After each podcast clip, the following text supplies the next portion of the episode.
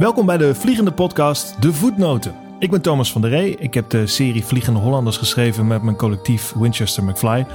Maar ik ben amper aan het woord hier. Dat is aan luchtvaarthistoricus Mark Dieriks, die ons uit gaat leggen hoe het nou allemaal echt zat. Af en toe weet ik niet meer wat er nou gebeurd is en wat we zelf verzonnen hebben als schrijvers. Maar Mark Dieriks eh, weet min of meer alles, dus dat uh, helpt. Vandaag speciaal over aflevering 1. De Elta, de bijzondere rol van Herman Geuring, Fokkers grote vliegtuigsmokkel die eigenlijk helemaal geen smokkel was en nog veel meer. Uh, Mark, welkom weer. Uh, de Elta. Je hebt hem gezien op de première en, en, en volgens mij heb je thuis ook nog een keer gekeken. En dat moet wel een verschil geweest zijn met de eerste versies van die aflevering die, uh, uh, die ik je te lezen gaf. En waar je zelfs ook nog aan meegewerkt hebt door een aantal researchproblemen voor me uit te zoeken. Uh, ik wilde van je weten of, jij, of jij me kon helpen met de Nederlandse gezant in Berlijn.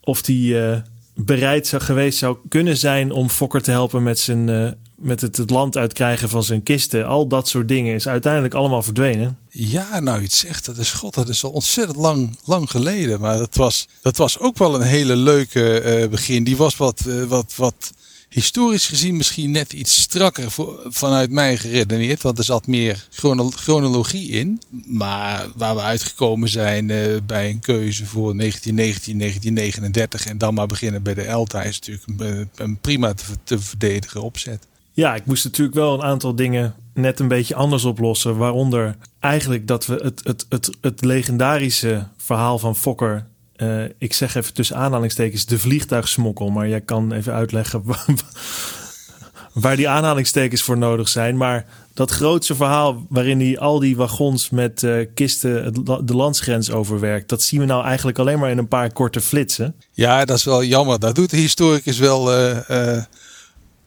wel, een beetje, be, beetje zeer dat dat eruit gevallen is. Maar ik was aan de andere kant ook wel bang dat als, we al als er al te veel over de smokkel, zoals dat dan in de boeken terechtgekomen is, in de serie zou komen, dat daarmee ook de mythe van de smokkel uh, extra zwaar aangezet zou worden. En ik heb al heel, heel veel energie geïnvesteerd in het verleden in het proberen uit te leggen dat er nooit een smokkel geweest is. Terwijl Fokker dat altijd heeft gezegd.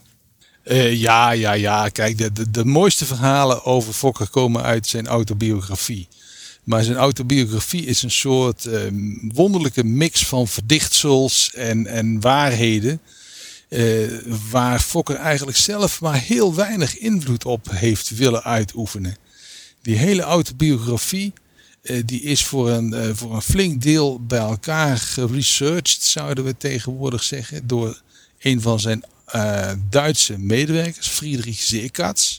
En die Zeekatz, een beetje schaduwachtige figuur die helaas geen plekje in de serie heeft gekregen. Maar die Zeekatz die is een jaar bezig geweest met in Duitsland alle oude bekenden van Fokker langs te lopen om te vragen of ze nog iets wisten of ze nog konden herinneren en wilden delen over de goede oude tijd. En daar is een, een, een, een soort prachtig verhaal over een onder andere over een smokkeloperatie uit voortgekomen. Eh, die helemaal nooit heeft plaatsgevonden. Er zijn wel vliegtuigen eh, getransporteerd. Vier treinen vol zelfs. Tussen eh, maart 1919 en juni 1919. Maar die transporten die vonden plaats nadat Fokker in Nederland een deal had gesloten met de enige Nederlandse vliegtuigbouwer op dat moment. Vliegtuigbouwonderneming van Koolhoven. Oh, sorry, Trompenburg.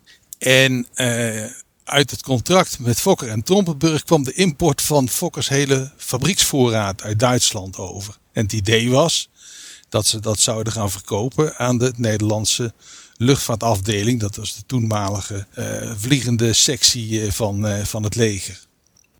Maar wat betreft die smokkel die geen smokkel was. Hij heeft zichzelf natuurlijk ook het land uit moeten krijgen. En dat had heel veel scènes in de vorige versies van het script, totdat het allemaal vanwege verschillende redenen op moest. Maar daar zat wel een kern van waarheid in, toch? Dat hij in feite in zijn fabriek in Schwerin niet meer kon blijven. Ja, dat klopt.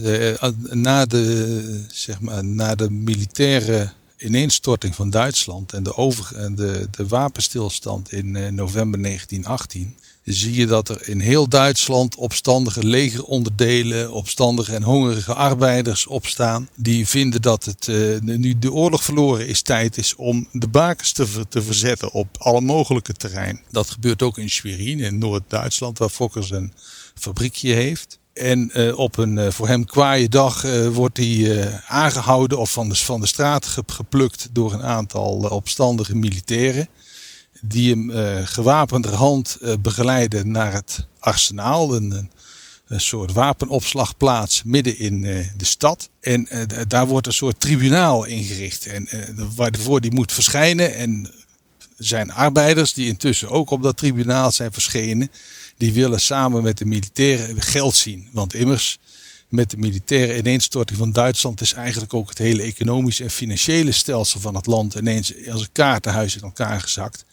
En de arbeiders kregen hun salaris niet meer uitbetaald. En nou, dat, Fokker zegt van ja, god, ik wil er wel aan meewerken, natuurlijk. Maar ja, al mijn geld is in Berlijn. Uh, dus ja, je moet, dan moet, jullie moeten wel even geduld hebben, want het moet uit Berlijn komen met de trein. En geef me een paar dagen, dan, dan regelen we dat.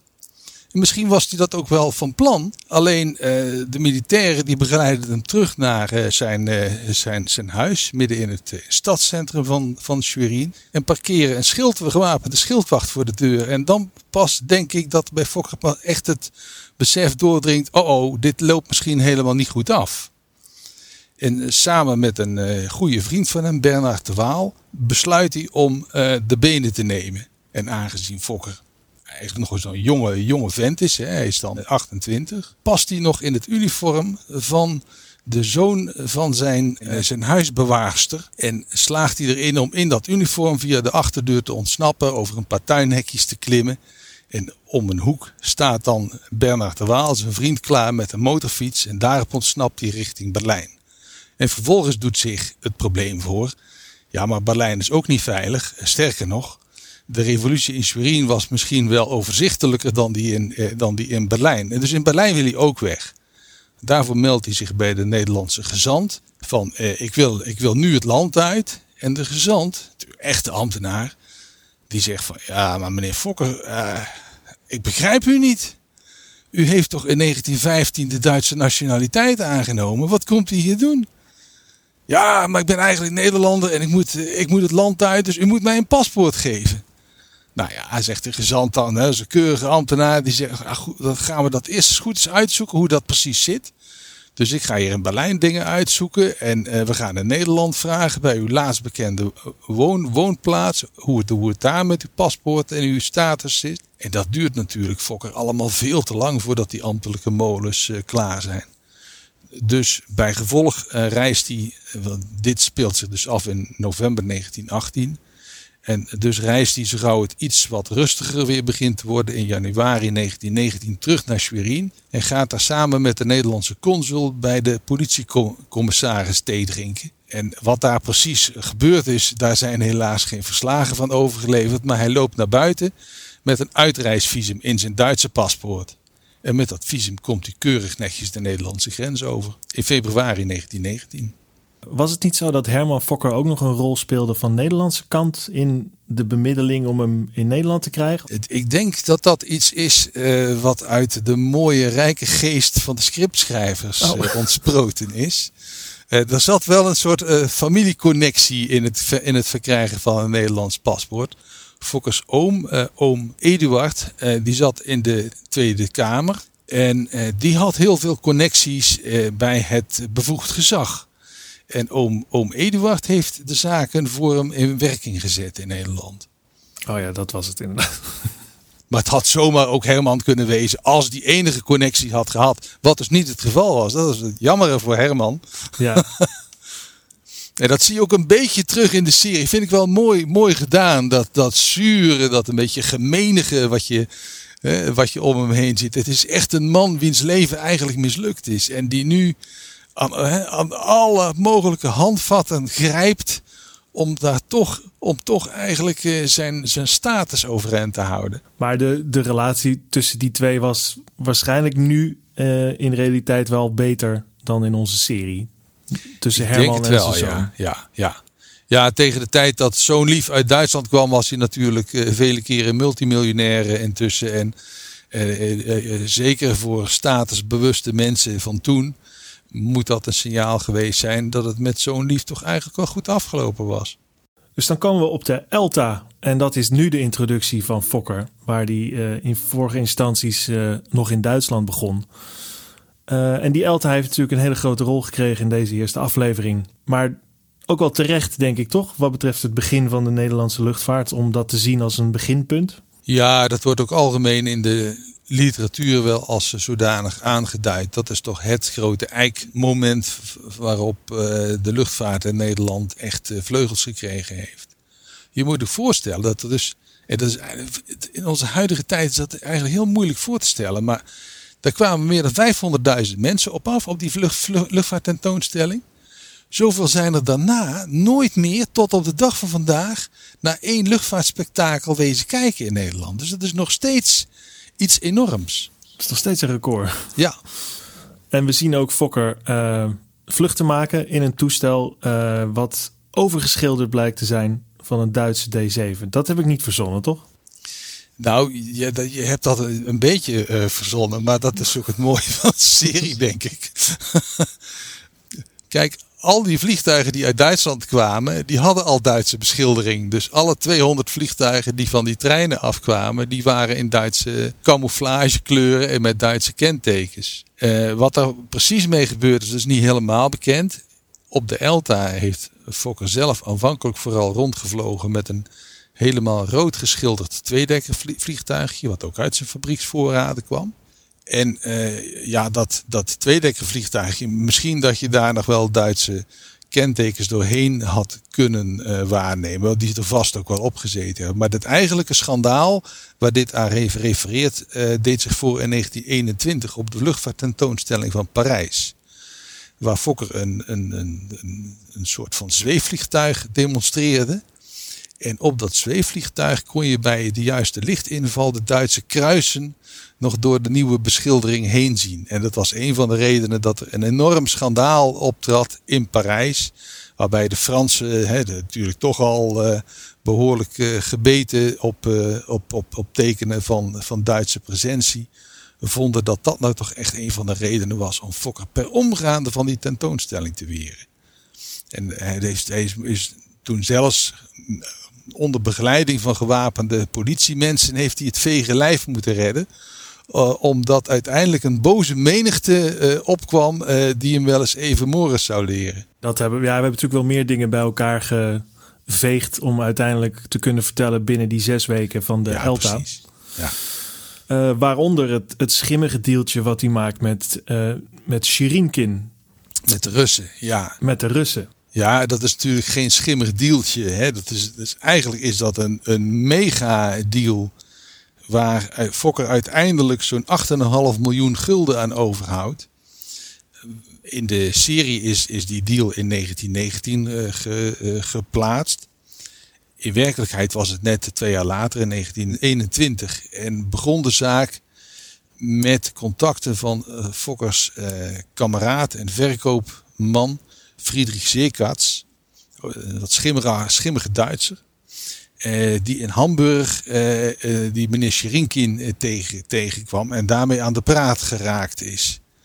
Wat erin resulteerde dat, dat Fokker in de, in de echte deal, die volgde wel, in 1921 65 gevechtsvliegtuigen die hij nog in Amsterdam had staan aan de, aan de Russen verkocht. En dat beviel de Russen zo goed dat ze nog eens terugkwamen uh, voor een, nog veel grotere deal waarbij er 400 gevechtsvliegtuigen besteld werden door, uh, het communistische, uh, door de communistische Sov Sovjet-Unie. Dat zijn eigenlijk dingen wat een prachtig. We hadden daar natuurlijk nog veel meer van kunnen maken. Het is al sowieso al fantastisch mooi weergegeven in zo'n kroegje en dat hele sfeertje. Geweldig. Ik had het zo mooi niet kunnen bedenken. Maar als historicus zit je helaas altijd vast aan saaie bronnen die daar niets over zeggen. Waar ze ook niks over zeggen is dat Geuring in Nederland was geweest om hierbij te helpen. Dat is ook iets wat we uh, hebben aangepast naar onze wensen. Maar er was wel, in feite, had Geuring wel ergens een rol in dit verhaal. Ja, in de export van, van vliegtuigen vanuit Schwerin naar, eh, naar Nederland, daar speelt Geuring een, eh, een, een, een, een redelijk pregnante rol in. Eh, kijk, Geuring was in de Eerste Wereldoorlog een heel bekende Duitse gevechtsvlieger. Een van de grote helden van, van de Duitse lucht, luchtmacht. En toen de, die luchtmacht samen met de andere legeronderdelen gedemobiliseerd werd, toen zag je dat die, die, die vlieghelden die kregen een aparte soort behandeling. Die werden niet zomaar naar huis gestuurd van nou die kant op jongens. Maar Geuring die kreeg een mooi, een mooi baantje bij het, aanvankelijk bij het ministerie van, van Oorlogsvoering in, in Berlijn. En vervolgens bij, de, bij het uh, Verweertungsamt, wat in 19, eh, eind 1918 opgericht werd. En het Verweertungsamt, dat moest erop toezien dat de, de ongebruikte oorlogsvoorraden dat die verkocht werden, dat die dus te gelden gemaakt werden. En daar heeft uh, Geuring een mooie rol voor Fokker kunnen spelen. En die twee kenden elkaar, omdat Geuring nou ook juist toevallig aan het front vloog bij die uh, eskadrons die met Fokkervliegtuigen uh, opereerden. En ook al zeg maar, in, in het laatste oorlogsjaar zijn er een aantal brieven van Geuring bewaard gebleven, waarbij die zich in de meest positieve zin over Fokkervliegtuigen uit, uitlaat. Uh, het zijn geweldige toestellen, zegt hij. En uh, er is niets zo goed als dat. En dat is bij Fokker ook niet onopgemerkt gebleven. Je ziet ook dat die twee ook elkaars persoonlijke vrienden waren. Er zijn zelfs een paar fragmentjes film opgedoken uit augustus 1918, die uh, Anthony Fokker door zijn cameraman heeft laten opnemen. En in, uh, in een van die flitsen die bewaard zijn gebleven uit augustus 1918, dat bezoekt Anthony Fokker het westelijk front in, uh, in, in België en daarna ook in Noord, Noord, Noord-Frankrijk. En daar staat een, een zwempartijtje is ge, gefilmd van Fokker en Geuring. Met z'n tweeën in hun, in hun blootje in de sommen gaan, gaan ze zwemmen. En dat filmpje is daarom zo leuk, omdat je daar ook de, de verhoudingen tussen de mensen heel, heel goed ziet. Daar zie je Geuring, ja, weliswaar een beroemd luitenant bij de luchtmacht, maar evengoed toch maar een soort militair van niet al te hoge rang. Die gaat zwemmen met de multimiljonair directeur van een van Duitsland leidende bewapeningsbedrijven. En je ziet ook dat Fokker in dat zwempartijtje Geuring onder water duwt met zijn hoofd. en als je daar kijkt, dan heb je echt zoiets van, nou, als je dat nou even langer had volgehouden, dan was de geschiedenis heel anders verlopen misschien. En hij heeft later ook nog, uh, was hij testvlieger voor hem, toch? In Zweden, meen ik? Ja, dat klopt. Er is ook uit, uit, 1920 is er een, een, een, zelfs een bedelbrief van uh, Geuring bewaard gebleven aan Anthony Fokker. Waarin hij schrijft van lieve Herr Fokker enzovoort enzovoort. En of hij alsjeblieft een baantje mocht hebben bij Fokker. Want hij was immers een goede piloot en had altijd positief geschreven en gereageerd over Fokkers vliegtuigen. En eh, ofschoon dus in het, nieuwe, in het nieuwe Duitsland natuurlijk geen ruimte was voor militaire piloten, was dat wellicht in Nederland wel het geval. En had Fokker dan niet een baantje voor hem? En dat heeft er ook toe bijgedragen dat hij uh, met uh, Fokker gevechtsvliegtuigen een soort demonstratietour langs de Scandinavische landen gemaakt heeft. Denemarken, Noorwegen, Zweden, Finland. Die ook in de rest van het interbellum goede klanten van hem uh, zouden, zouden blijven. Dus dat, het had wel effect. Maar de rol die we Geuring laten spelen in de bemiddeling met Shirinkin is dat, dat was een andere. Het had zomaar gekund. daar, daar speelden andere schaduwachtige figuren een rol. Uh, die ook uit, dit, uit, zeg maar, uit de, de, de middle ranking van het Duitse uh, leger kwamen.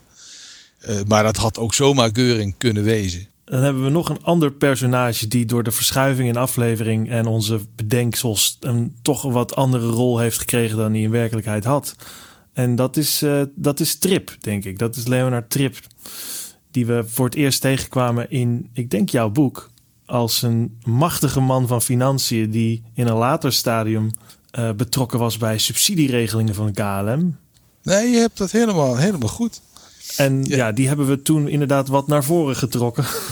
ja, precies. Maar uh, dat is ook, daar is ook heel veel historische reden voor om dat uh, te doen hoor. Als je er achteraf naar, naar terugkijkt. Kijk, Trip was sinds 1916 de hoogste ambtenaar bij het ministerie van Financiën, Thesorier-generaal. Oh, zo spreek je het uit. ja, ja. En uh, als thesaurier-generaal was hij met name gevreesd. Niet alleen bij financiën, maar ook bij de andere ministeries. Omdat hij in 1921 een nieuwe tak van financiën op, opzette. De bezuinigingsinspectie. En als hoofd van die bezuinigingsinspectie was, was het eigenlijk Trip die dus als de minister eventjes niet oplette. En daar zorgde goede eh, topambtenaren zorgen er altijd voor dat de minister geregeld even niet oplet. Eh, als de minister dan niet oplette, dan was Trip eigenlijk de grote, grote, grote baas. En het wonderlijke is dat ofschoon de KLM dus eigenlijk zijn subsidies van het ministerie van Waterstaat kreeg. Eh, dat het toch Trip was die daar eigenlijk de grote, de grote broek aan had. En die eigenlijk dus meer in de pap te brokken had dan de beide ministers die bij die subsidieregelingen betrokken waren. En dat is een, mooie figuur. Het is jammer dat hij natuurlijk ook in werkelijkheid in 1923 uh, eh, verdwijnt uit het Haagse. Hij wordt namelijk uh, directeur van de Javase Bank op het, uh, in Nederlands-Indië. En als directeur van de Javase Bank is hij in Nederlands-Indië dan weer heel erg actief betrokken bij het opzetten en propageren van luchtvaartondernemingen in Indië. Dus het was wel iemand die ja, heel nauw betrokken was uh, bij die hele vliegerij. Uh, die daar ook wel toekomst in zag, in zag. En die je dus eigenlijk aan je kant moest hebben, wil je, wilde je iets regelen. Wij kwamen toevallig nog tegen in de research van, uh, voor de film Bankier van het Verzet. Omdat hij op een gegeven moment ook weer directeur van de Nederlandse Bank is geworden. Hier... Dat klopt, ja. ja. Hij is geloof ik in 26, 27 of zo eh, van Java teruggekomen, als ik me niet, niet vergis. En daarna in de Nederlandse, bank, uh, in de Nederlandse bankwereld uh, actief geworden. Ja, en daar werd hij toen opgevolgd door Rost van Tonningen. En die heeft hij daarna volgens mij weer opgevolgd na de oorlog. Ja, ja, precies. Ja, dat is allemaal ons. Ons kent ons natuurlijk. Ja. Trouwens, ja, nog, wat, nog altijd zo. Wat voor ons zo fijn was, is dat we op een gegeven moment zagen dat hij vroeger uh, uh, een fanatiek tennisser was. Ja, dat hebben jullie ook heel mooi uh, in die serie weten te, te schrijven. Terwijl, en dat, dat was best natuurlijk iets wat die twee karakters, Plesman en Trip, bond. Want Plesman was immers ook een fanatiek sporter die vanaf ongeveer dag twee dat hij bij de luchtvaartafdeling op het vliegveld Soesterberg gelegerd was, uh, zich heeft ingespannen om, om sport voor de officieren die daar verzameld waren, die uit allerlei verschillende legeronderdelen kwamen en dan weer mochten leren vliegen, om die officieren ertoe aan te zetten om te gaan, om te gaan sporten. Dus Plesman was op, he, die zette een voetbalclub op en een uh, gym, gymnastiekvereniging. En ja, tennis paste daar natuurlijk prachtig in. Qua, qua beeld en ook wel qua, qua belangstelling van hem. Zijn er nog dingen die, ik over, die, die jij hebt kunnen het enige wat mij opviel uh, toen ik het uh, uiteindelijk, de, de, uiteindelijk de intro van de, van de serie zag, was dat in, de, in de intro van de serie zie je Plesman vliegen met een vliegtuig waarmee de luchtvaartafdeling in 1913 op opereerde. Maar in 1919, waar, waarin, dit, waarin het begin speelt, waren die dingen al buiten, buiten gebruik. Dus dat, denk van ja, dat komt waarschijnlijk ergens uit een andere opzet. Is dat overgebleven op de een of andere manier? Ja, het was een, het was, want hij heeft wel uh, die vlucht gemaakt. En hij ja, ja, maar in een, in een watervliegtuig, wat ook ja. heel toepasselijk te water raakte. Nee, ja, dat was dus dat, dat, dat gegeven klopt wel. Maar het, het soort vliegtuig wat gebruikt werd, dat, dat dacht ik van, goh, de puristen onder ons, die gaan daar iets uh, van vinden straks. Nee, ik geloof dat we voor deze gekozen hebben. Maar dit, dit is een vraag voor Joram eigenlijk hoor. Want ik heb op een gegeven moment gezegd, het zou misschien die kunnen zijn of die ja, kunnen zijn. maar dat maakt ook niet uit, want de, ze vliegen wel met z'n tweeën naar Engeland en het loopt nat af. Dus. Ja, nee, dat, dat klopt. En dan wilden ze inderdaad zo'n uh, een, een, toestel wat er eigenlijk het meest krakkemikkig uitzag. Ja, ja, aan te tonen ja, dat vond ik ook wel heel mooi gevonden dan weer. ja. Maar die rol van Branker, ik bedoel, hij, hij zat misschien niet met, een, met natte schoenen, maar hij zat wel, voor zover ik weet in ieder geval, diezelfde dag al met zijn vuist op tafel te slaan tegenover een aantal hooggeplaatste uh, Air Ministry mensen. Klopt dat? Ja, ja, dat moet je Plesmal nageven. Dat zou ik zelf nooit gedurfd hebben in zo'n uh, situatie. Uh, per slot van rekening loop je daar maar binnen als luid, luitenantje. En uh, sta je dan tegenover mensen die in diezelfde militaire rangorde flink wat, wat, wat, wat stappen boven je staan. Dus om je dan overeind te houden en toch je punten maken. En sterker nog ervoor te zorgen dat uiteindelijk datgene wat, wat eigenlijk die Britten niet willen, dan toch gebeurt. Want ja, ze gaan dan toch meedoen. Ja, dat moet je hem nageven. Dat, uh, dat had niet iedereen op dezelfde manier uh, mee naar buiten kunnen nemen. Veel van onze research hebben we eigenlijk als schrijvers een beetje bij elkaar moeten rapen uit verschillende bronnen. heel veel verschillende bronnen, vele met jouw naam erop omdat er eigenlijk geen naslagwerk te vinden was die ons verhaal samenvatte op een, op een manier waar we wat mee konden. Maar daar is nu verandering in gekomen, want jij hebt een nieuw boek geschreven over zowel Plesman als Fokker. Ja, kijk, als je dan aan zo'n serie meedoet, eh, dan bekruip je natuurlijk toch als historicus een beetje de neiging uh, om, om de, de schrijvers van het verhaal steeds in de reden te vallen en te zeggen: ja, maar het zat net iets anders. Nou, dat is natuurlijk hè, dat is niet, niet, niet zo leuk. Dat levert ook geen eh, productieve samenwerking op. Maar ik had wel zoiets van: ja, het zou toch interessant zijn om die twee figuren bij elkaar in één boek te, ook, ook in een boekje te uh, verzamelen. Dus ik ben uiteindelijk er nog eens voor gaan zitten en ook eh, uitgebreid nog in het eh, Nationaal Archief eh, wezen rondkijken. om te komen tot een soort dubbelportret van de twee hoofdrolspelers uit de serie. Wat zo, in mijn bedoeling in ieder geval een rol zou kunnen hebben als, nou ja, dat degene die kijken naar de serie en die zich afvragen, ja, maar hoe zat dat nou eigenlijk? Die hebben daar dan een, een, een, een, een, een handvat ja, en het is nu, het is overal te koop. Het heet Vliegende Hollanders. Ja, hoe kon het ook anders? Wanneer mensen me daarna vragen en dan zeggen van ja, maar zo heet de serie toch ook, dan zeg ik van ja, maar dat is geheel toevallig. Want immers, de autobiografie van Fokker uit 1931, die heette Vliegende, Hollander. Hollander. Ja. En het in memoriam boekje voor, op boek voor Albert Plesman na zijn overlijden op Oudejaarsavond 1953 eh, dat het jaar daarop eh, verscheen, heette ook Vliegende Hollander. En nu had ik dus twee Vliegende Hollanders bij elkaar, nu in één band.